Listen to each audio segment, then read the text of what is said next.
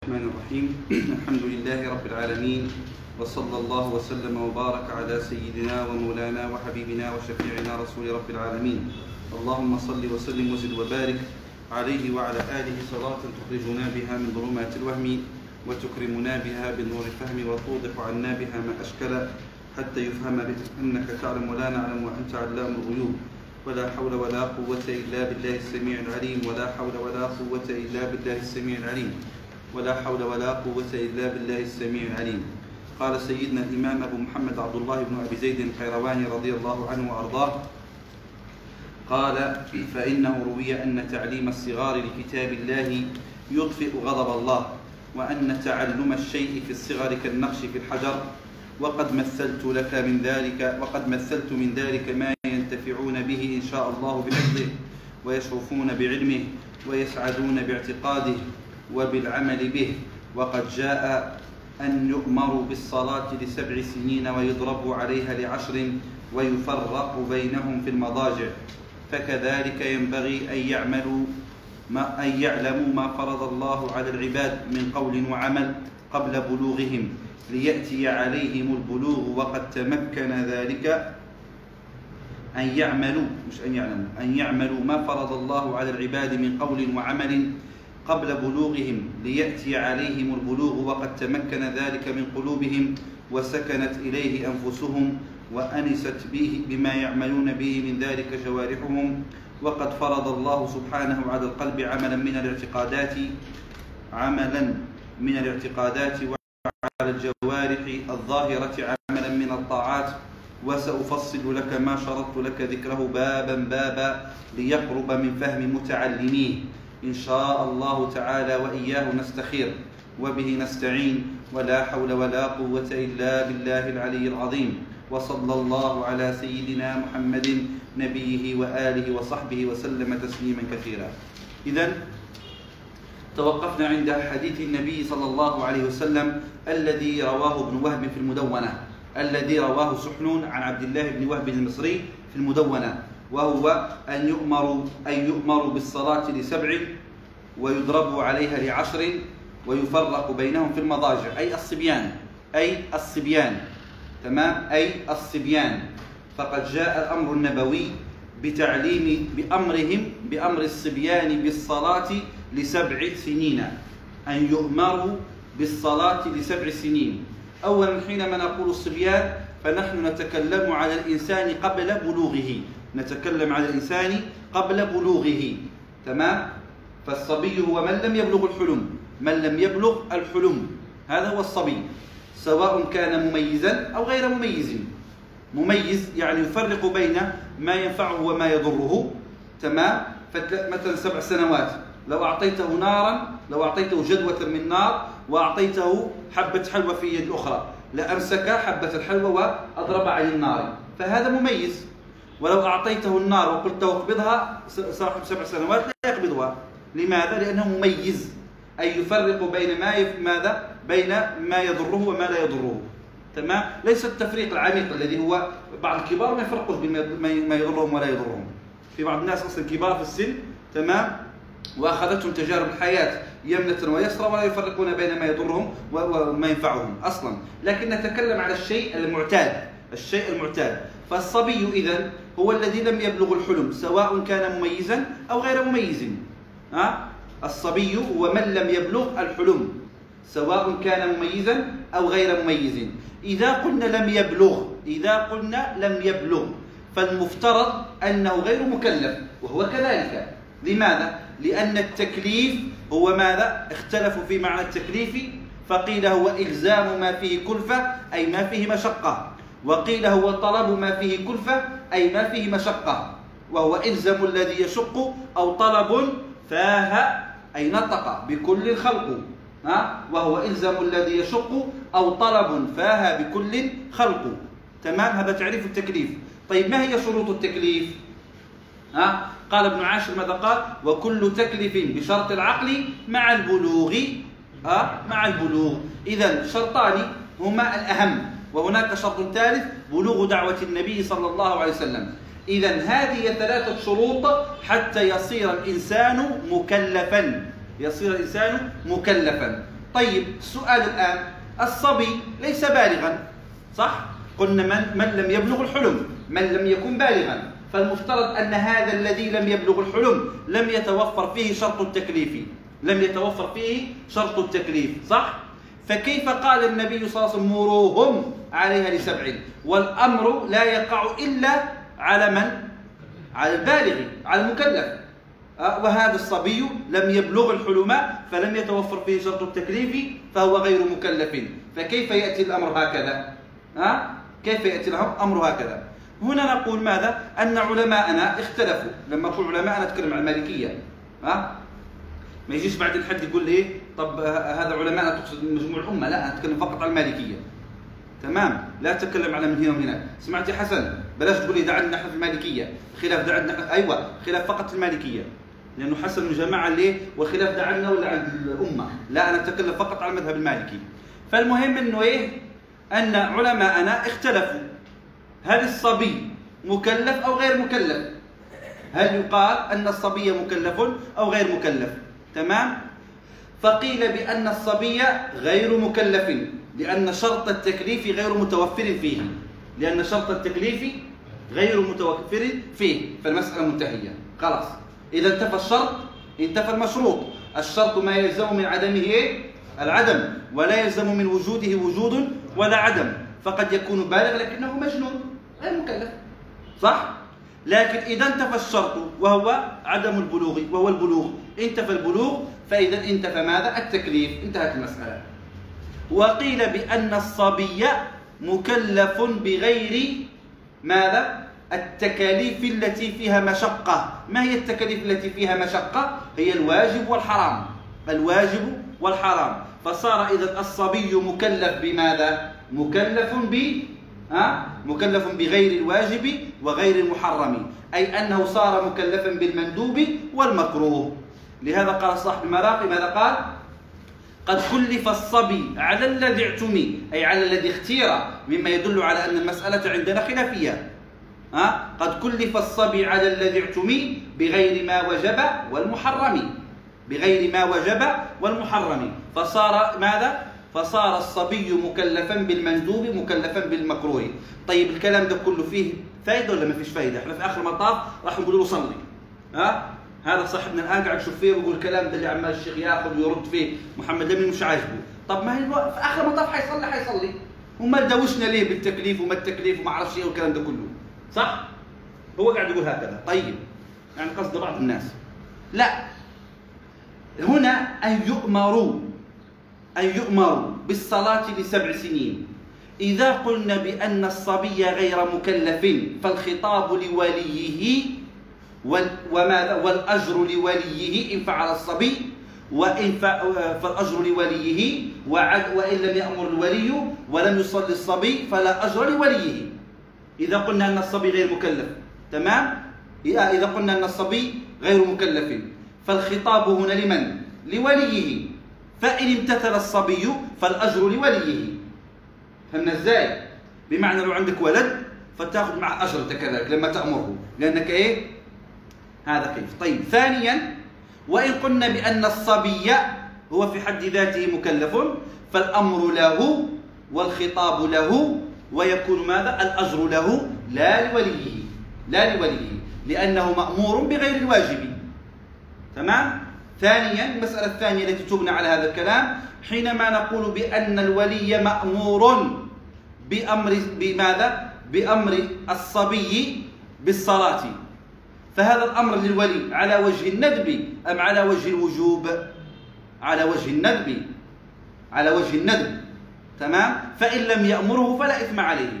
فلا إثم عليه. وضحت المسألة؟ هذا هو سبب الكلام. فلهذا قال أن يؤمر أي الصبيان بالصلاة أي أن يطلب لأن الأمر هو الطلب. أن يطلب منهم فعل الصلاة. أي يؤمر بفعل الصلاة. تمام؟ أي يؤمر بفعل الصلاة لسبع سنين أي حينما يكون أعمارهم سبع سنين وهو سن التمييز وهو سن التمييز غالبا على العادة. الغالب المعتاد أن سن التمييز يكون في سبع سنوات. طبعا عندنا الزمان. ها؟ من الزمن أما اليوم إيه؟ يولد أصل مميز. يعني يكاد ينزل إيه؟ يكاد ينزل عنده صفحة على الفيسبوك تقريبا في بطن أمه ما هي هي حامل وماسكة الفيسبوك كذا كذا كذا ماسكة فيسبوك تقريبا إيه؟ الولد في داخل بطن أمه يعمل صفحة فيسبوك أول ما يخرج أعطوني الهاتف على طول عشان نشوف إيه الصفحة بتاعتي فيها كم j'aime j'aime ولا اسمه ده؟ j'aime وكم comment وكم متابع وكم ما أعرفش إيه تمام؟ فاذا قال لسبع سنين لسبع سنين ويضرب عليها أي على الصلاة أي على ترك الصلاة لعشر سنين أي إذا بلغوا عشر سنوات. أي إذا بلغوا إيه؟ عشر سنوات. قال يضرب عليها ضربا غير مبرح. ضربا غير مبرح. تمام؟ ضربا غير مبرح. ويسمى الضرب التأديبي مش الضرب التعويري يتعور له عينه تكسر له دراعه. طبعا ما فيش أب يعمل على كل حال كده دلوقتي وإلا حقوق الإنسان له 60 بيت. تمام؟ لكن يلا خلينا إحنا نقوله بس إيه؟ عشان برضه ما يقولش حد إن الفقهاء دول قالوا اضرب ها؟ النبي صلى الله عليه وسلم كان إيه؟ النبي صلى الله عليه وسلم كان ساديا اضرب. يخرب بيتك الله يعينك ويعين والديك. يقول له لمن يقول هذا الكلام في حق النبي؟ تمام؟ من يقول هذا في حق النبي؟ ملعون. لأنه بعض الآن بعض الدراسات تقول هكذا. كان النبي كان من إيه؟ كان مريض بالسادية. اضربوهم. فهمتوا إزاي؟ إذا ويضرب عليها لعشر يسمى ضرب التأديب يسمى ضرب إيه؟ ضرب التأديب فهمنا إزاي؟ طيب أمر الصبيان بالصلاة أي حثهم على الصلاة لسبع سنين هو المشهور من مذهب مالك وابن القاسم هو المشهور عندنا ها هو المشهور عندنا أن أمرهم بالصلاة يكون لسبع سنين والضرب يكون لإيه؟ لعشر سنوات تمام؟ وروي عندنا في المذهب عن ابن حبيب رضي الله عنه عن ابن حبيب صاحب مالك ابن حبيب السلمي صاحب الواضحة أن أمرهم بالصلاة أن لا مفهوم لسبع سنين لا مفهوم لسبع سنين لا مفهوم لسبع سنين. كقوله سبحانه وتعالى إيه؟ أو تصف إن تستغفر لهم سبعين مرة فلن يغفر الله لهم. لا مفهوم للسبعين. فلو استغفر النبي أكثر من سبعين مرة ما كان الله ليغفر لهم. تمام؟ فهنا لا مفهوم للسبع لسبع سنين. طيب ما هي الحكمة إذا من سبع؟ قال المراد بالحكمة هي القدرة على القيام بها. يعني ماذا؟ إذا وقف سبع سنوات يستطيع أن يمتثل ويركع ويسجد ولا يسقط. ففهم من ذلك أنه إذا كان استطاع أن يقوم بفعل الصلاة بذاته مستقلة ذاته دون غيره ماذا؟ أمر بها. أمر بذلك. هذا قول مين؟ قول ابن حبيب رضي الله تعالى عنه وأرضاه. تمام؟ هذا قول ابن حبيب رضي الله عنه وأرضاه. طيب. قال إذا ويضرب عليها لعشر يضرب عليها لعشر. تمام؟ طيب. ويفرق ويفرق بينهم أي بين الصبيان. ويفرق بينهم أي بين الصبيان في المضاجع في المضاجع. قيل في المضاجع هنا في الفراش وقيل في اللحاف. وقيل في اللحاف وهو المشهور. يعني إيه؟ حتى لو ناموا في نفس الفراش لكن هذا يتغطى بغطائه وذلك بغطائه. فلا يدخلون تحت غطاء واحد. فلا يدخلون تحت غطاء واحد. تمام؟ ثم اختلفوا ويفرق بينهم في المضاجع. هل ترجع للسبع؟ أو ترجع لماذا؟ أم ترجع لي؟ أم ترجع للعشر؟ أم ترجع للعشر؟ تمام؟ ابن القاسم قال ترجع للعشر ترجع للعشر وقال آه، قال وقال غيره من أهل من أصحاب مالك أنها ترجع للسبع فيفرق بينهم في سبع سنين. في سبع سنين. خلاص؟ محل هذا الكلام كله يا جماعة محل هذا الكلام كله ما لم يكن الصبيان يميزون ما لم يكن الصبيان من أهل التمييز الدقيق. مثل أهل زماننا اليوم. اليوم في زماننا أنا مش بهزر حقيقة. اليوم تجد عمره خمس سبع سنوات يعرف عن الجنس ما لا يعرفه أبوه. من كثرة ما يتفرج على أفلام السكس ويعرفها ويعرف كيف يدخل لها في مواقع النت. يعرف عن السكس ما لا يعرفه أبوه نفسه. تمام؟ هذا حقيقة في الواقع. تجد سبع سنوات يعني سبع سنوات الآن في الابتدائي. ربما تجد أصلا عنده كم صديقة كم خدم من صديقاته في الابتدائي معه. بما لا يفكر فيه أصلا أخوه اللي في الثانوي. يستحي أخوه في الثانويه يقول عندي صديقة وهو ولا يبالي. فهذا الكلام كله محله محله ما هو؟ ما, ما لم يكن مميزين. لهذا فهم ابن حبيب رضي الله تعالى عنه أوجه. فهم ابن حبيب أوجه حينما فسر السبع والعشر بماذا؟ بالقيام بالذات. أوجه. فلا مفهوم للسبع ولا مفهوم للعشر. أوجه من ماذا؟ من من من المشهور فهمنا إزاي؟ لأنه الآن كوارث تسمعها من زنا المحارم ومن معرفش والدياثة كل سببها ما هو؟ أن هذا الولد الصغير كان ينام مع أخته في نفس الفراش وعمره ماذا؟ ما زال صغير معلش ما فيش مشكلة كم عمره خمس سنوات ست سنوات سبع سنوات وهذا الولد ما شاء الله عنده مش صفحة بس عنده أربع صفحات على الفيس صفحة باسم بنت وصفحة باسم ولد وصفحة باسم رجل وصفحة باسم مراه مطلقة وقاعد إيه وقاعد يستقطب في الرجال وفي النساء من كل أشكالها وألوانها. وعمره سبع سنوات. وعمره إيه؟ سبع سنوات. وعنده في التويتر ما أعرفش إيه آه اسمه إيه في تويتر؟ اسمه إيه؟ موقع اسمه؟ صفحة. في تويتر. ها؟ مو... ها؟ في الفيس اسمه صفحة. وفي التويتر المهم عنده حاجة على تويتر وعنده على انستغرام. وتحس إنه رجل كبير. لكن لما تكتشف حقيقة أمره تلقاه ما حتى صغير. يعني حتى لو سألته ما عندوش حتى إنعاظ ما نعرف قاعد يعمل إيه ده سبحان الله. قال اذا ويفرق بينهم في ماذا؟ في المضاجع. فكذلك ينبغي أن يعملوا. تمام؟ فكذلك ينبغي أن يعملوا. ينبغي هنا يؤتى بها عندنا لطلب الفعل. كلمة ينبغي يؤتى بها لطلب الفعل. ويستخدمها فقهاؤنا رضي الله عنهم أحيانا للوجوب وأحيانا للندب وأكثر استعمالهم لها للندب وأكثر استعمالهم لها للندب. هذه كلمة كلمة ينبغي نجدها في كثير من متون المالكية كثير من متون المالكية. مرت معنا في العشمويه أظن العشمويه لا مرت معنا في العزية ومرت معنا في أقرب المسالك. تمام؟ ومرت معنا في بعض المتون الأخرى من كتب المذهب وقلنا ساعتها بأن كلمه ينبغي كلمة يؤتى بها لطلب الفعل. كلمة يؤتى بها لطلب الفعل. طيب ما هي استخداماتهم لها؟ علماء علماء المالكية أحيانا سادتنا رضي الله عنهم يستخدموها لطلب الفعل على وجه الندب وأحيانا يستخدموها لطلب الفعل على وجه الوجوب على وجه الوجوب. تمام؟ فتجد أحيانا في باب قضاء الحاجة يقول لك وينبغي وينبغي أن يستجمر. أه؟ أي يستنجي. أي يجب عليه أن يستجمر أو يستنجي. تمام؟ وأحيانا تؤتى بها قال كما قال مثلا صاحب العزية قال وينبغي أن لا يرى إلا في موضع أمره الله به. هذا على وجه الوجوب. ها ولا, ولا ينبغي أن يرى الإنسان في موضع نهاه الله عنه. على وجه ماذا؟ على وجه الوجوب والتحريم. يحرم عليك أن تذهب إلى المواضع التي لا يجوز لك الوقوف فيها. كالخمارات مثلا. يحرم عليك الذهاب إليها. فقوله لا ينبغي أن يراك الله سبحانه وتعالى في موضع نهاك عنه هنا على وجه الوجوب. وتستخدم أيضا ويراد بها الندب. فقال فكذلك ينبغي هنا على وجه الندب. هنا على وجه الندب. تمام؟ فكذلك ينبغي أن يعملوا من العمل. ما فرض الله على العباد القصد هنا من العباد استخدم العام وأراد الخاص. ليس مطلق العباد وإنما المكلفين. فهنا من قبيل العام الذي أريد به الخصوص. من قبيل العام الذي أريد به الخصوص. العباد هنا من؟ المكلفين. ليس كل العباد. فينبغي أن يطلب. يستحب أن يعمل الصبيان يستحب أن يعمل الصبيان ما فرض الله أي ما أوجب الله وألزم الله على المكلفين فعله. ما هو الشيء الذي أوجب الله وألزم الله المكلفين فعله؟ قال من قول. ما هو القول؟ قول لا إله إلا الله محمد رسول الله. فإنها واجبة. ها؟ يجب على كل مكلف أن يقولها.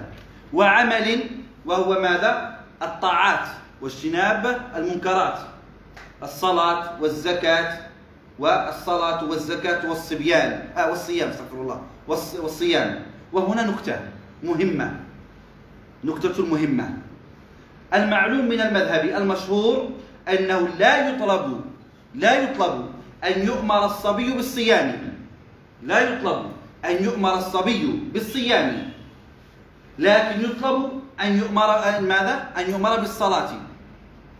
طيب فكيف قال من عمل؟ نقول نفس الشيء. هنا عام أريد به الخصوص أي وينبغي أن يعملوا بعض الأعمال بعض الأعمال. بعض الأعمال. كيف عرفنا أنه أراد بعض الأعمال؟ من قوله بعد ذلك من قوله بعد وقد تمكن ذلك من قلوبهم وسكنت إليه أنفسهم وأنست بما يعملون به من ذلك جوارحهم. شوف العبادة التي العبادة التي العبادة المتكررة العبادة المتكررة تحتاج إلى أن يكون بينك وبينها أنس. تحتاج أن تتعود عليها. تحتاج إيه؟ أن تتعود عليها. فلهذا ما هي العبادة المتكررة؟ الصلاة هي الصلاة. لكن الصوم عبادة غير متكررة. مرة في السنة. مرة في السنة. لهذا لما تلقى ولد صغير صايم قول افطر افطر احسن لك. افطر احسن لك. جايك زمان اقسم غصب عنك. لما تبلغ. كل أحسن لك الآن. أما الصيام أما الصلاة لا. إذا وجدته جالس لا يصلي بالعكس تأمره بالصلاة. لماذا؟ لأن الصلاة عبادة متكررة إن لم يكن بينك وبينها أنس واعتياد تمام؟ فإنك سوف تفشل عنها تفشل عنها ويصير بينك وبينها وحشة. فيطلب أن يصير بينك وبينها أنس قرب. فهمنا إزاي؟ مثل ما شرحنا في الحصة الماضية. قال من قول وعمل. المراد هنا بالعمل الأعمال المتكررة. وليس مطلق الأعمال. وليس مطلق الأعمال. تمام؟ الأعمال المتكررة من مما فرضه الله. لأنه قال أن يعملوا ما فرض الله على العباد من قول وهو قول لا إله إلا الله محمد رسول الله وعمل. أي ومما فرض الله من عمل ما هي الأعمال التي فرضها الله؟ هي العبادات. هي إيه؟ العبادات. صلاة زكاة صوم حج. أما الصلاة فهي المقصود. وأما الصوم فخارج بالاتفاق أنهم لا ينبغي أن يؤمروا بها وإنما يترك الصوم إلى أن يبلغوا. تمام؟ وأما الحج ففيه الخيار خيار. مش طماطم محمد. تمام؟ وأما الزكاة فهي أصلا من خطاب الوضع. في كل الأحوال ستؤخذ من مالهم. فهي من خطاب الوضع ففي كل الأحوال سوف إيه؟ تؤخذ من مالهم. فصار اذا المراد بالعمل هنا إيه؟ هو الصلاة. فايضا من قبيل العام الذي أريد به الخصوص هنا أيضا. وضحت العبارة. قال من قول وعمل أو أنه أراد أيضا بالعمل شيء آخر. ما هو الشيء الآخر مما فرضه الله؟ عمل القلوب كما سيذكر بعد قليل. ها؟ فإن الله قد فرض على القلب عمل من الاعتقادات وعلى الجوارح الظاهرة عملا من الطاعات. فيكون هذا هو التفسير لقوله عمل. ما فرض الله من عمل القلوب وهو تصحيح الاعتقادات وما فرض الله من عمل الجوارح الطاعات الواجبة. الطاعات الواجبة. تمام؟ فيكون إذا قوله ما فرض الله من عمل تخصصها ما جاءت بعد ذلك من عمل القلوب الاعتقادات وعمل الجوارح من الطاعات. وقوله من عمل الطاعات أيضا عامة تشمل الطاعات الواجبة المفروضة والطاعات غير مفروضة. فهي مخصصة بقوله ما فرض الله على العباد فالمراد بالطاعات هنا إيه؟ الفرض فقط فصار المصنف إذن ماذا؟ أطلق العام وخصصه فيما بعد وأطلق الخاص فيما بعد وخصصه في قبل فهمنا ما فهمنا النقطة هذه الموجودة في عبارة المصنف ها؟ وضحت ولا شوي شوي؟ والله أنا فقط مغني أعيد أعيد الكلام هذا أعيد شوف قال ما فرض الله على العباد من قول. ما هو القول؟ لا إله إلا الله محمد رسول الله. صح؟ طيب. وعمل. وما فرض الله من عمل. ما هي الأعمال المفروضة؟ قال المصنف فرض الله على القلب عملا من الاعتقادات. وفرض الله على الجوارح عملا من الطاعات. هذا هو المراد بالعمل هنا.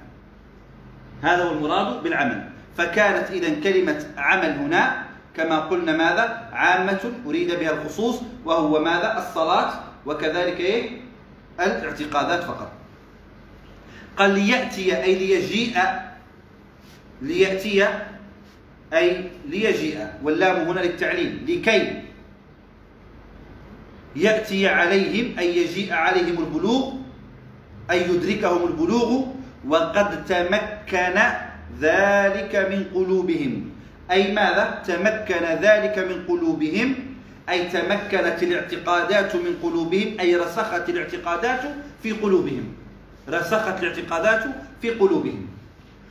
وكذلك سكنت إليه. أي إلى ماذا؟ إلى الطاعات. إلى الطاعات. إلى ما فرض الله سكنت إليه أنفسهم. لاحظوا جيدا هنا. السكون هو الهدوء. السكون هو الهدوء والاستقرار. والاستقرار. الأمور الواجبة دائما في البداية لا تكون النفس ماذا؟ مستقرة معها. تبدأ تحاول أن تكسر هذه القيود. دائما النفس تحاول أن تكسر القيود. نعطي مثال بسيط. عدى على كثير منكم ربما. وراح يعدي على ناس ثانية إن شاء الله. وناس حيسمعوا بس بالماء. لما تروح للتجنيد. أول ما تروح للتجنيد الجيش. تجد قيود. فرائض قم الصباح الساعة خامسة البس البيادة هذه الرنجاس البس البيادة البس كذا ما تعملش هكذا تعمل كذا. هذه قيود كلها. النفس ترفضها. تريد أن تكسر هذه القيود. تريد أن تكسر هذه القيود. لكن هذا العسكري نفسه بعد عشرة أيام يتعود على هذا الحال. يتعود عشرة أيام 15 يوم بعضهم بعد أسبوعين ثلاث أسابيع بعد شهر فتسكن نفسه. لا تصير تبحث عن كسر هذا القيد. لا تصير تستقر نفسه. لا تبحث عنه وكذلك حال الإنسان. وكذلك حال الإنسان. تكاليف. التكاليف. ها؟ التكاليف التي تأتي عند الإنسان. لا تعجبه. يريد دائما أن يكسرها بأي شيء. شوف لي مخرج. آه مولانا واحد طلق مراته بالثلاث في لفظة واحدة. تقولوا حرام. حرمت عليه. طب ما فيش مخرج. ما فيش قول. لا في مدخل. فيش مخرج. سمعت؟ طب ما فيش قول. لا في فعل. أعطيها الرجل يكحها باش تعرف الفعل كيف عامل. هذا هو في فعل ما فيش قول. تمام؟ في قول. لا في فعل. في ما فيش كذا. بعض العلماء بعض الفقهاء بعض الدعاة. إن شاء الله أي واحد الشيطان يقول. ما رأيك في قول الشيطان هنا؟ الظاهر إنه عنده إيه؟ وجه من من الإقناع. المهم إنه إيه؟ يكسر القيود. وتناسى وتناسى الإنسان. وتناسى الإنسان بأن صفته في الشرع ما هي صفتك في الشرع؟ الشرع يوم وضع لك وصف ما هو؟ مكلف مكلف وهو إلزام الذي يشق فيه مشقة تكليف مشقة يعني مش على هواك ليس على هواك. فيبقى الإنسان فيبقى الإنسان مع الطاعات في الأخذ والرد والأخذ والرد والأخذ والرد ويبقى ماذا؟ أول شيء يطيع ويعصي. ويوم بيوم الشيخ المربي ياخذ بيده ويحاول يسلكه و و و إلى أن يأتي عليه سن الأربعين وتسكن نفسه عن اتباع شهواتها وتستقر تسكن وتستقر النفس عن طلب كسر قيود أحكام الشرع. وهكذا كل شيء وهكذا كل شيء. تمام؟ لهذا قال المصنف وسكنت أي استقرت نفوسهم إليه سكنت إليه أي ماذا؟ استقرت نفوسهم على فعل الطاعات فلم يعودوا يريدون الخروج منها. تمام؟ قال وأنست بما يعملون به من ذلك. ها؟ بجوارحهم. أيضا يحصل أنس بين العبادة. يحصل أنس ها؟ قلنا أمس الأنس ما هو؟ لماذا سمي الإنسان إنسانا؟ من أنس ضد ماذا؟ ضد الوحش. آه ضد الوحش. فإذا الأنس وهو القرب وهو ماذا؟ وجود ذلك الاحتكاك الذي يجعل بينك وبينه مودة. فتصير بين الإنسان بين الصبي وبين العبادة مودة. تحصل بينه وبين العبادة مودة. فلا يستطيع أن يغيب عنها. لا يستطيع أن يغيب عنها. هكذا الصبي. هكذا أيضا الصبي. إذا ألف العبادة ألف العبادة ماذا يحصل؟ يأنس بها ولا فإذا بلغ يكون خلاص. أول شيء نفسه مستقرة. نفسه مستقرة. شوف مثلا أنت الولد الصغير. الولد الصغير. ها؟ الولد الصغير. لما يكون في الابتدائي. تصحيه المدرسة يعمل نفسه عيان، مرة يعمل نفسه عيان، مرة يقوم وهو هيك كرهان، مرة يروح هو ما أعرفش إيه، مرة يروح يوصل نص الطريق ويرجع يقول المدرسة مقفولة، مرة يجيبك النهارده برد ومدرس ما جاش، المهم إيه يبقى دائما إيه يحاول، وأنت ترده ترده، لما يكبر شوية يصير في الإعدادي وفي الثانوي تمام؟ يصير عاقل.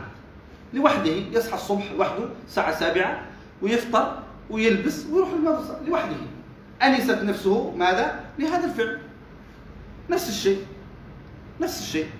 تمام؟ قال وقد فرض الله سبحانه على القلب عملا من الاعتقادات. عملا من الاعتقادات. وعلى الجوارح الظاهرة عملا من الطاعات. عملا من الطاعات. هنا إشارة إشارة دقيقة مفيدة مهمة. ما هي هذه الإشارة الدقيقة المفيدة؟ وهي إلى أن الأحكام الشرعية تتعلق بأفعال بالأفعال. إلى أن الأحكام الشرعية تتعلق بالأفعال. طيب هذه الأفعال قد تكون أفعال الجوارح وقد تكون أفعال القلوب. ولهذا نقول يجب على المكلف تصحيح إيمانه. ماذا قال سيدنا عبد الرحمن الأخضري؟ أول واجب على المكلف تصحيح إيمانه لأنه من قبيل عمل القلوب. أه؟ كذلك فرائض الصلاة أولها إيه؟ النية. فرائض الوضوء سبع. أه؟ وهي. فور ودلك نية النية ماذا؟ من باب أعمال القلوب. فلهذا تعلق بها حكم شرعي. إذا الأعمال القلوب أعمال القلوب معتبرة في صدور أحكام شرعية لها. وكذلك أفعال الجوارح. أعمال إيه؟ الجوارح. معتبرة كذلك.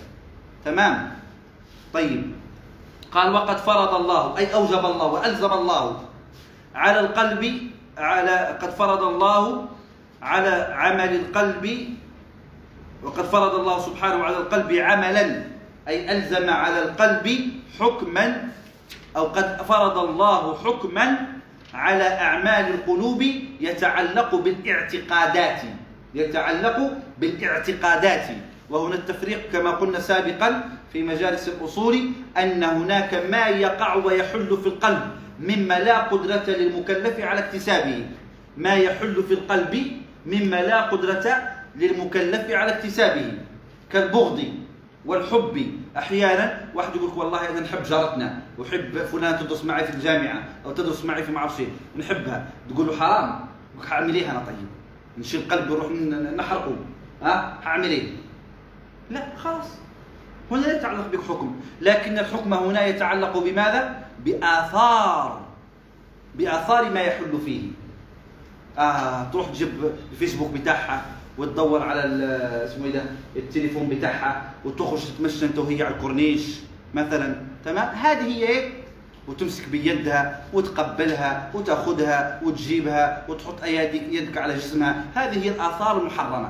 هذه الآثار إيه؟ المحرمة. أما نفس حلول نفس حلول. هذه الأشياء في القلب تمام؟ لا قدرة على المكلف بفعلها. لا قدرة على المكلف إيه؟ بفعلها. فبالتالي فبالتالي لا يتعلق به فرض من الفرائض. وضحت الصورة؟ قال وعلى الجوارح الظاهرة عملا من الطاعات. أي وفرض الله على الجوارح ماذا؟ آه على الجوارح الظاهرة. جوارح الظاهرة عملا من الطاعات. اللي هي اليد والرجل والقلب واللسان والعين. فالله سبحانه وتعالى حرم على العين النظر وحرم الله سبحانه وتعالى على الفم الفم اللسان التلفظ بالكذب والتلفظ بالكلام البذيء ها؟ وحرم على الرجل أن تمشي بك وأوجب عليها تذهب بك إلى مواضع الخير وحرم عليها أن تذهب بك, بك إلى مواضع الشر. واليد كذلك أوجب عليك أن تفعل الخير وحرم عليها فعل الشر إلى آخره. كالسرقة ونحو ذلك. تمام؟ طيب. قال إذا عرفنا كل ما ذلك فقال المصنف رضي الله عنه سوف أجمع لك إذا هذه خلاصة الكلام. خلاصة الكلام. طلبت مني يا سيدي محرز أن أجمع لك أن أجمع لك مجموع فيه ما يجب ما يجب ما يقع به تصحيح أعمال القلوب وهو الاعتقادات. وما يقع به تصحيح أعمال الجوارح الظاهرة وهي العبادات وطلبت مني أن أكتب لك جملة فيها ما تزكي النفس وتربيها من الآداب العامة لأجل أن تعلمها للصبيان. وهذا أمر جليل وخطب جسيم. أردت به أن تحسن آه، أن تحسن من حال صبيان المسلمين. وقد وافقتك على ذلك وجمعت لك هذا الكتاب وإنني سأفصله سأفصل لك ما شرطت ما شرطت وما شرطت لك ذكره بابا بابا ليقرب من فهم متعلميه. إذا سوف أجمع لك هذا المجموع وسوف أفصله من التفصيل من التفصيل. والتفصيل من الفصل. والفصل هو الحاجز. تقول فصل أي حجز. فصل أي حجز. تمام؟ فصل الشيء عن الشيء أي وضع بينهما حاجزا. فلهذا قال سأفصل أي سأضع لك مجموعات مجموعات. هذه المسائل مجموعات مجموعات يقع بينهم فاصل أي حاجز. فاصل أي حاجز. تمام؟ ما شرطت لك أي ما شرطت لك من أن أذكر لك ما يجب تصحيح الإيمان به وتعمله الجوارح وتعتقده القلوب. تمام؟ ذكره بابا بابا. أي أنني سوف أجعل الباب هو إيه؟ هو الفاصل بين بين كل مجموعتين. بين كل مجموعة تتكلم على نواقض الوضوء. جعلتها جعلت لها بابا. وهنا ماذا مصنف غريب عجيب. ها؟ أه؟ غريب عجيب. كأنما كأنما فصل ساحة العلم الأحكام الشرعية. يعني المصنف كأنما نظر فرأى أن الأحكام الشرعية كلها موجودة في ساحة كبرى فوضع لها غرفا غرفا فصلها عن بعضها البعض فصلها عن بعضها البعض. كل ما تشترك فيه تشترك فيه الأفعال في حكم من الأحكام وضعه في غرفة لوحدها فوضع لها صورا. وكل ما تشترك فيه عن غيره من صفة تختص بها فوضعها في جانب لوحده. تمام؟ كالنكاح يختص بصفة معينة والطلاق يختص بصفة الخلع والطلاق والخلع يختص بصفة معينة. فوضعهم في ماذا؟ وضع لهم صورا. ثم جعل بابا يدخلك إلى هذه الغرفة وباب يدخلك إلى هذه الغرفة. ولهذا قال سأفصل لك ما شرطت لك ذكره. تمام؟ بابا بابا. وتفصيل الكتب إلى الأبواب وتفصيل الكتب إلى الأبواب قديم. قيل ظهر كما ذكر ذلك الخطابي في معالم السنن قيل أن ذلك ظهر في عهد التابعين في عهد التابعين. وأقدم كتاب عندنا موجود على وجه البسيطة في هذه الأمة المحمدية موجود في التفصيل الكتب إلى أبواب هو ماذا؟ موطأ الإمام مالك بن أنس رضي الله تعالى عنه وأرضاه. هذا أقدم شيء عندنا في هذه الأمة. تمام؟ وأصل هذا العمل وأصل هذا العمل هو تفسير هو تقسيم القرآن الكريم إلى صور صور. تقسيم القرآن الكريم إلى صور صور ثم زادوا على الصور بتقسيمه إلى أجزاء وإلى أنصاف وإلى أرباع وإلى أثمان. قالوا الحكمة في ذلك ما هي؟ ها؟ قالوا ما هي؟ أول شيء لينشط الطالب عند إنهاء كل مرحلة. لينشط الطالب عند إنهاء كل مرحلة. تخيل لو كانت الطريق طويلة ما فيهاش محطات. ها؟ ماشي من هنا اسوان ما فيش أصلا ولا محطة. تعود تشوف في الطريق إيه, إيه اللي حيوصلنا؟ يا سلام. لا لا لا خليني هنا في القاهرة أفضل لي. ها؟ إيه اللي حيوصلني؟ غايه السودان هناك خرطوم ما في أصلا ما فيش ولا محطة. لكن كلما تسير ويتوقف كل 200 كيلو 300 كيلو 400 كيلو يتوقف ماذا؟ يتوقف صاحب الأتوبيس ويتوقف وينزل الناس ويأخذون قسطا من الراحة فينشطون لإكمال الطريق. ينشطون لإكمال الطريق. فلهذا قال جعل هذا أول سبب لأجل أن تنشط النفوس لماذا؟ للسير في طلبه فكلما انتهى من فصل أو انتهى من باب يحس نفسه أنه حصل على ماذا؟ على إنجاز. على إنجاز. آه الحمد لله كملت باب. انهيت الحمد لله الطهاره من كتاب خليل. يا سلام جميل.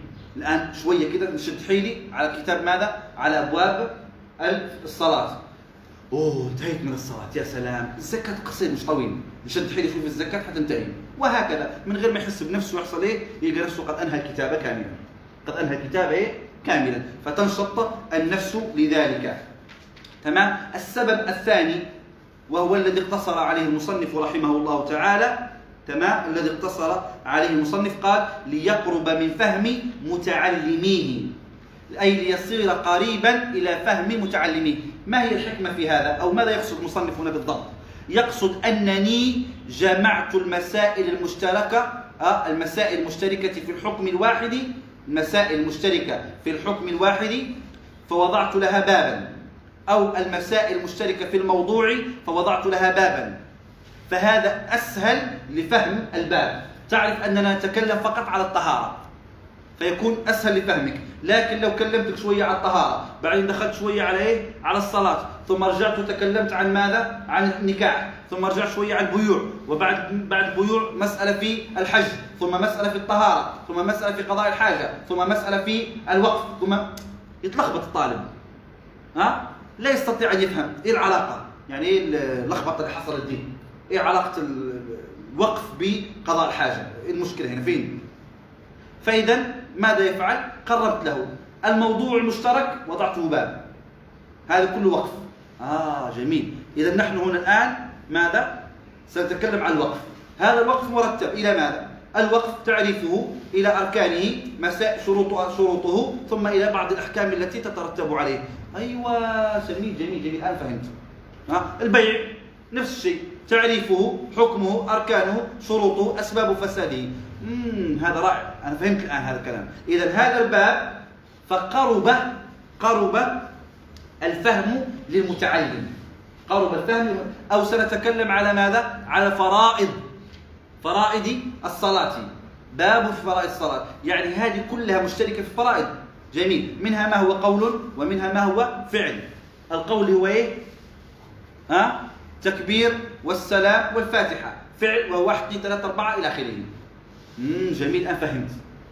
إذا هذا هو غرض المصنف فقال إذا فصلته لك ما شرطت لك ذكره بابا بابا فجعلتها أبوابا تمام ليقرب من فهم متعلميه إن شاء الله تعالى. إن شاء الله تعالى هنا قال يحتمل أنها ترجع إلى فقط قوله وسأفصل لك.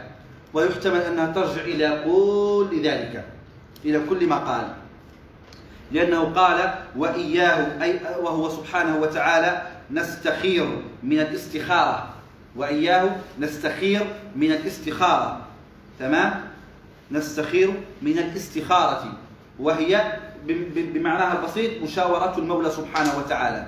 مشاورة المولى سبحانه وتعالى. فإنها دعاء يرجو منه صاحبه أن يوجهه مولانا سبحانه وتعالى إلى ما فيه خيره إلى ما فيه خيره. تمام؟ قال وبه أي وبه بالله سبحانه وتعالى نستعين السين والتاء الطلب. أي وبه أي نطلب الإعانة. أي ومنه نطلب الإعانة وهي المساعدة. المساعدة. وبه أي ومنه. نطلب الإعانة. السين والتاء للطلب. وبه هنا بمعنى ومنه. والباء هنا بمعنى من. أي ومنه سبحانه وتعالى نطلب الإعانة أي المساعدة على ما رجوناه وفيه سبحانه وتعالى أملناه وإليه سبحانه عز وجل قصدناه من تحقيق هذا الغرض في نفع أولاد المسلمين. قال ولا حول لا حول ولا قوة إلا بالله العلي العظيم وأنهى المصنف رضي الله تعالى عنه هذه المقدمة بهذا الأمر. وهو قوله ولا حول ولا قوة إلا بالله العلي العظيم. ما هو السبب في ذلك؟ سبق وأن ذكرنا أن الإمام مالك رضي الله تعالى عنه كان إذا افتتح مجلس درسه افتتحه بقول لا حول ولا قوة إلا بالله العلي العظيم ثلاث مرات ثلاث مرات. ولهذا جل من تجده من المالكية الذين تسلسل فيهم العلم تجده دائما يقول الحمد لله رب العالمين وصلى الله على سيدنا محمد ولا حول ولا قوة إلا بالله ولا حول ولا قوة إلا بالله ولا حول ولا قوة إلا بالله أو أي عبارة لكن دائما يفتتح درسه بلا حول ولا قوة إلا بالله العلي العظيم ثلاث مرات. تمام؟ هذه كانت عادة الإمام مالك. فالمصنف رضي الله عنه أشار إلى ذلك. كأنما سيقول الآن سأدخل في المقصود وهو الدرس. وهو تعليمي فإنه تعليم. والغرض من لا حول ولا قوة إلا بالله العلي العظيم أي ما لا حول ولا قوة إلا بعون الله العلي العظيم. هذا غرض من ذلك أن الإنسان أي أن المدرس أي أن الشيخ يتبرأ من الحول والقوة. تمام؟ يتبرأ من الحول والقوة فلا قوة له. ولا حول له ولا قدرة له ولا طاقة له ولا فهم له ولا أي شيء له إلا بالله أي إلا إذا فتح الله عليه. هذا هو الغرض. لهذا لا تقال من باب القول واحد يقول أيوة كان يقول الإمام مالك كان نقولها. ماشي اقتداء الإمام مالك جميل. ما حدش قال عليه مش جميل. لكن يطلب من المدرس وقائلها أن يستحضر معناها أن يستحضر معناها. وتحصل في ذات هذه المعنى. مش يقول أنا محضر درس النهاردة كويس تمام؟ وقرأت النهارده مثلا إيه؟ من الشرح الكبير والشرح الصغير والشرح الوسط والشرح ما أعرفش إيه وسمعت الدرس بتاع الشيخ فلاني ودرس الشيخ العلاني وكذا وكذا وراجعت المساله مع مشايخ وراجعت. طب نقعد إيه؟ وأنا اليوم متيقن من نفسي ان إحنا نعمل درس ما شاء الله العظيم. هذا الدرس راح يكون إيه؟ ينتقل شرق الدنيا وغربها. تمام؟ ويقعد الحمد لله ولا حول ولا قوة إلا بالله ولا حول ولا قوة إلا بالله ولا حول ولا قوة إلا بالله. قالها ليه؟ قالها الامام مالك نقولها لا مش هكذا. ليس هكذا. فان فإن العلوم فتح إلهية. فتح إلهي. فتح إلهي. قد ينسيك المولى سبحانه وتعالى كل ما قرأت.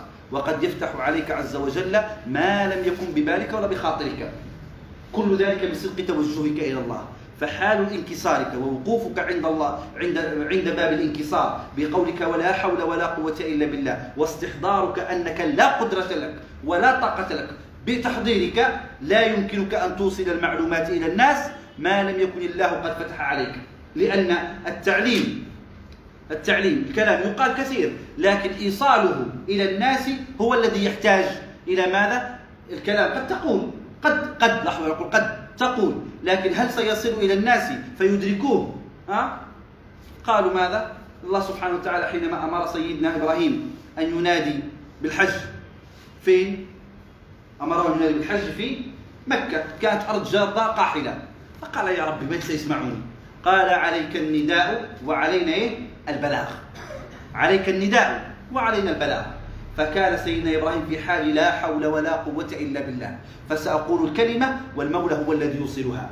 فسأقولها والمولى هو الذي يوصلها. لهذا قالوا ما من نفس كائنة ستكون يعني إلا وقد سمعت نداء سيدنا إبراهيم. فسمعته ماذا؟ البشر في أرحام أمهاتهم وأصلاب آبائهم. فلبوا نداء سيدنا إبراهيم فلهذا كل إنسان يحج بحسب ماذا؟ تلبيته لسيدنا إبراهيم حينما سمع النداء في صلب أبيه ورحم أمه. من وين جت هذه؟ من هذا الانكسار عن سيدنا إبراهيم وهو لا حول ولا قوة إلا بالله. فالعبرة أنك لست أنك تقول المعلومة مرصوصة جميلة رائعة الجملة اسمية فعلية النحو لا خطأ نحوي فيها ولا خطأ صرفي فيها. لا لا لا لا. كثير من العارفين كثير من العارفين. ما قرأوا لا نحو ولا صرف ولا منطق ولا بلاغة ولا علوم عقلية ولا علوم نقلية لكن الله سبحانه وتعالى جعل كلامهم يخرج من القلوب ويصل إلى قلوب المريدين فأخذوا بها. من وين؟ من هذا المقام. مقام لا حول ولا قوة إلا بالله. من مقام لا حول ولا قوة إلا بالله. هذا أصلا إذا استطعت أن تنطق. استطعت أن تنطق. أما إذا كان مولانا سبحانه وتعالى قبل ذلك أصلا تجلس مجلس مهيب كرسي تبارك الله عالي أو مثل هذا الفرو عامل نفسي شيخ تمام؟ زي أنا كده عامل نفسي شيخ وقاعد في فروه وتبارك الله وراي قبة وكذا. لكن ما نعرفش ربك سبحانه بس لو أراد مولانا ان أن يخرسني بس أذني توج... آه أذني. أذن نعم أذن توجعني. الأذن توجعني نصير نفتح في فمي إيه؟ بثقل. بثقل. فنعجز حتى عن كلام. ضرس يتحرك دودة صغيرة أصلا لا ترى إلا بالمجهر. فتسكت تخرس. ها؟ أو يحصل لك تشويش فكري بس. فتتلخبط عندك المعلومات تصير تقول في كلام ماذا؟ مضروب تحط المنصوب آه، الاسم في مكان الفعل والفعل في مكان اسم. لماذا؟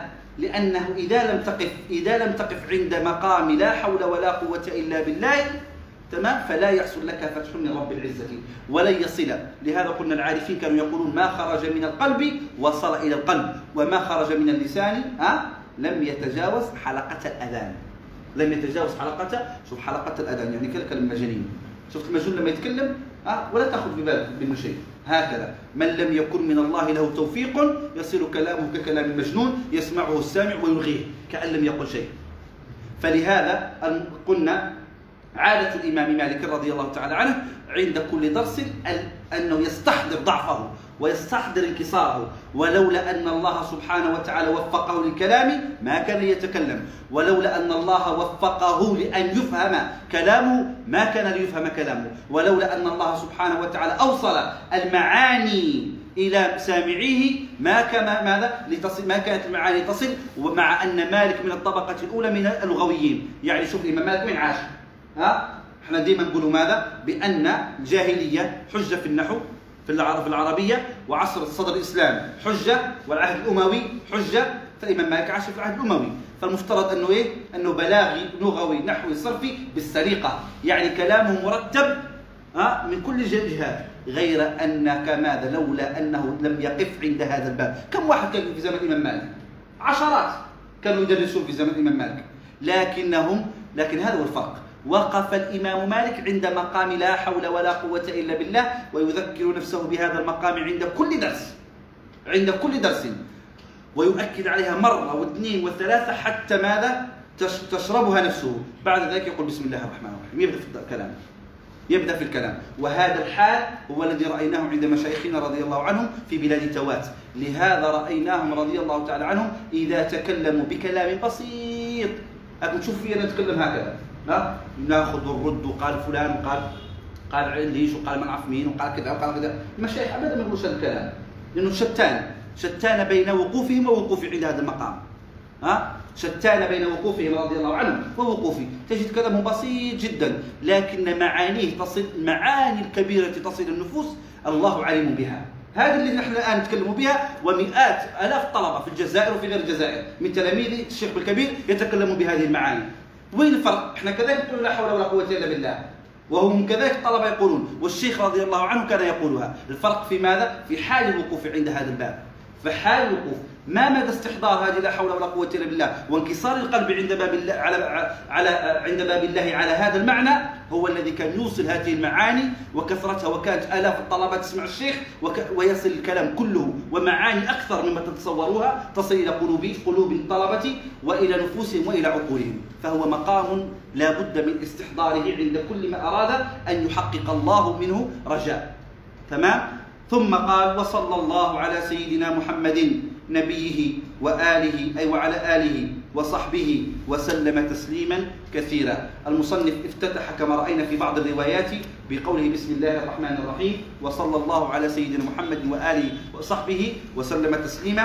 وهنا أيضا ختم المقدمة بذلك. ما هو السبب في أنه افتح بالصلاة على النبي واختتم المقدمة بالصلاة على النبي؟ لأن الصلاة على النبي كما قالوا هي العمل الوحيد هي العمل الوحيد. الذي يقبل على كل الأحوال. العمل الوحيد الذي يقبل على كل الأحوال. حتى قيل أنه العمل الذي يقبل حتى ولو كان فاعله مرائي. حتى لو كان فاعله مرائي. سيقبل منه. ها؟ سيقبل منه. لماذا؟ مراعاة لمقام النبي صلى الله عليه وسلم. لأجل ذلك جرت عادة العلماء. ماذا؟ أن أن يفتتحوا بالصلاة على النبي ويختتموا بالصلاة على النبي لأن العمل إذا كان بين عملين مقبولين فهو أرجى للقبول فهو أرجى للقبول. تمام؟ فإذا الحمد بسم الله الرحمن الرحيم وصلى الله على سيدنا محمد. قال ولا حول ولا قوة إلا بالله. وصلى الله على سيدنا محمد. وصلى الله على سيدنا محمد. وقوله وصلى الله والصلاة من الله رحمة. ها؟ وصلى الله والصلاة من الله رحمة. على سيدنا سيدنا. سيادة النبي صلى الله عليه وسلم سيادة النبي. لا تحتاج إلى دليل وإنما تحتاج إلى أدب. بعض المسائل لا تحتاج إلى أدلة. بعض المسائل لا تحتاج إلى أدلة وإنما تحتاج إلى ماذا؟ إلى نفس محبة كالاحتفال بميلاد النبي صلى الله عليه وسلم. واحد يقول لك والله لم يقم دليل ويحتفل بميلاد ابنه. ألا قبحك الله. إيه؟ عامل اسمه إيه؟ آه، اسمه إيه؟ عيد ميلاد. ها l'anniversaire هكذا ها إيه l'anniversaire بالار تمام يفعلها لابنه ولما جاء سيدنا رسول الله يقول لك لم يثبت. الجفاء هذه قلة أدب لعدم وجود المحبة. لعدم وجود محبة. بعض المسائل لا تحتاج إلى أدلة. تحتاج إلى ماذا؟ إلى قلب محب. وبعض المسائل تحتاج إلى عقل. وبعض المسائل تحتاج إلى إلى أدب. إلى أدب. هو نفسه لو قلت له خذ هذه الورقة بالله عليك أنا ما نعرفش نكتب خطك أنت جميل اكتب لي رسالة حاب نبعثها إلى المسؤول الفلاني في الإدارة الفلانية. المسؤول الفلاني مسيحي أصلا مش مسلم.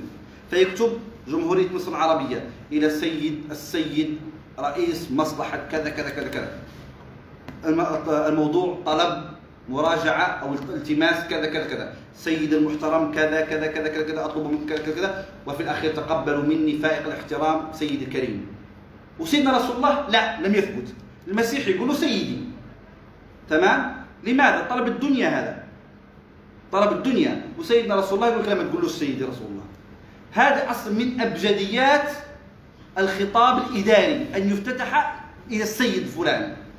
يعني لو ما عملتهاش رسالتك أصلا إلا لو عندك إيه؟ واسطة تقرأ. لو ما عندكش واسطة لا تقرأ طمها في الزبالة على طول. لأن أبجديات الخطاب الإداري غير موجودة فيه شوف هذا كيف؟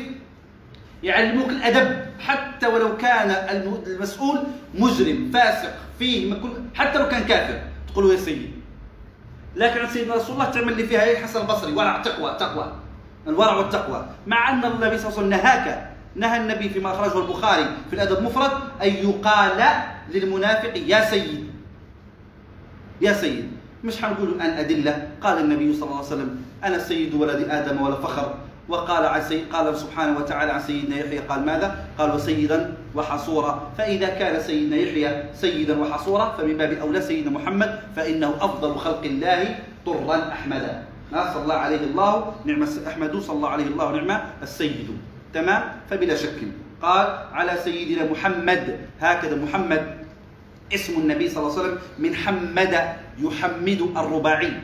ومحمد اسم مفعول. رجاء أن يحمد. أن يحمده يحمده أهل السماوات والأرض. واختلف هل هو أفضل أسمائه صلى الله عليه وسلم أم أن أحمد أفضل منه. اختلف على قولين في ذلك. اختلف على قولين في ذلك. فقيل أن أحمد أفضل لأنها التي ذكر بها صلى الله عليه وسلم في سائر الكتب السماوية وهو الذي ينادى به في الجنة. وقيل بل محمد هو أفضل الأسماء وهو المحقق. لماذا هو المحقق؟ لأنه لا يصح لك عمل دون هذا الاسم. شوف مهما كان عندك إيمان مهما كان عندك من تصديق لو لم تقل أشهد أن لا إله إلا الله وأشهد أن محمدا. ما تنفعش وأشهد أن الماحي وأشهد أن الحاشر وأشهد أن العاقب وأشهد أن أحمد. لا ما ينفعش. ما ينفعش. لا بد من إيه؟ وأشهد أن محمدا. فهو هذا الاسم هو إيه؟ سبب عصمة الدماء وسبب عصمة الأموال وسبب كل خير يحصل لك.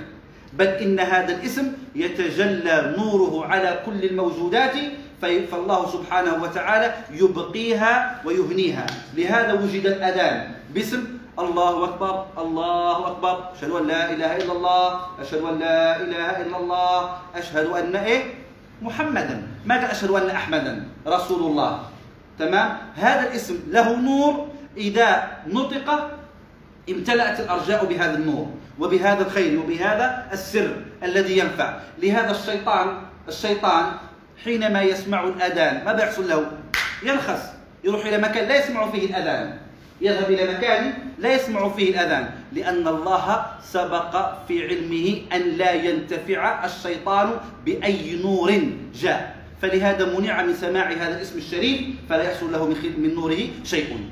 محمد ونبيه نبيه أي نبي الله. نبي وهو من أوحي إليه وأمر بشرع وأمر بتبليغه من أوحي إليه وأمر بتبليغ شريعة النبي الذي قبله على ما قيل وآله آل النبي صلى الله عليه وسلم. قالوا في معرض الدعاء هي كل أمته. وفي باب الزكاة هم بنو هاشم المؤمنون من بني هاشم. المؤمنون من بني هاشم. وصحبه جمع صاحب جمع صاحب صحب وصاحب كركب وراكب وهو من اجتمع بالنبي صلى الله عليه وسلم مؤمنا به من اجتمع به على وجه العادة مؤمنا به ومات على ذلك. وسلم أي وأمن أمن النبي تأمينا كثيرا في الدنيا وفي الآخرة في الدنيا وفي الآخرة. لأن بأمان النبي تأمن أمته فنأمن نحن. ثم لا يشترط أن يكون لأن هذا أنا قلت لأن بأمانه نأمن نحن. هذه أصل قلة أدب وإنما ندعو ونقول اللهم أمنه لأنه أهل للأمان لا لكون أن أمته سوف تؤمن به. وإنما لأنه صلى الله عليه وسلم ماذا؟ أهل لأن يؤمن وأهل لأن يكرم وأهل لأن يرفع لا, لا لأجل أن نرفع نحن به. لا لأجل أن نرفع نحن به. لهذا قالت عائشة آه قالت رابع العدوية في حق مولانا سبحانه وتعالى أحبك حبين إيه؟ حب الهوى وحب لأنك إيه؟ أهل لذاك الحب فكذلك نصلي ونسلم على سيدنا رسول الله لأنه أهل لزيادة آه، زيادة الإنعام والإفضال والإكرام والإجلال والتعظيم والتأمين لا لأننا نحن ننتظر أن نكرم به. تمام؟ وبهذا أنهى المصنف الكلام على المقدمة. نسأل الله أن يعلمنا ما ينفعنا وان ينفعنا بما علمنا إنه على ما يشاء قدير وبالإجابة جدير. وصلى الله على سيدنا محمد وعلى آله وصحبه وسلم.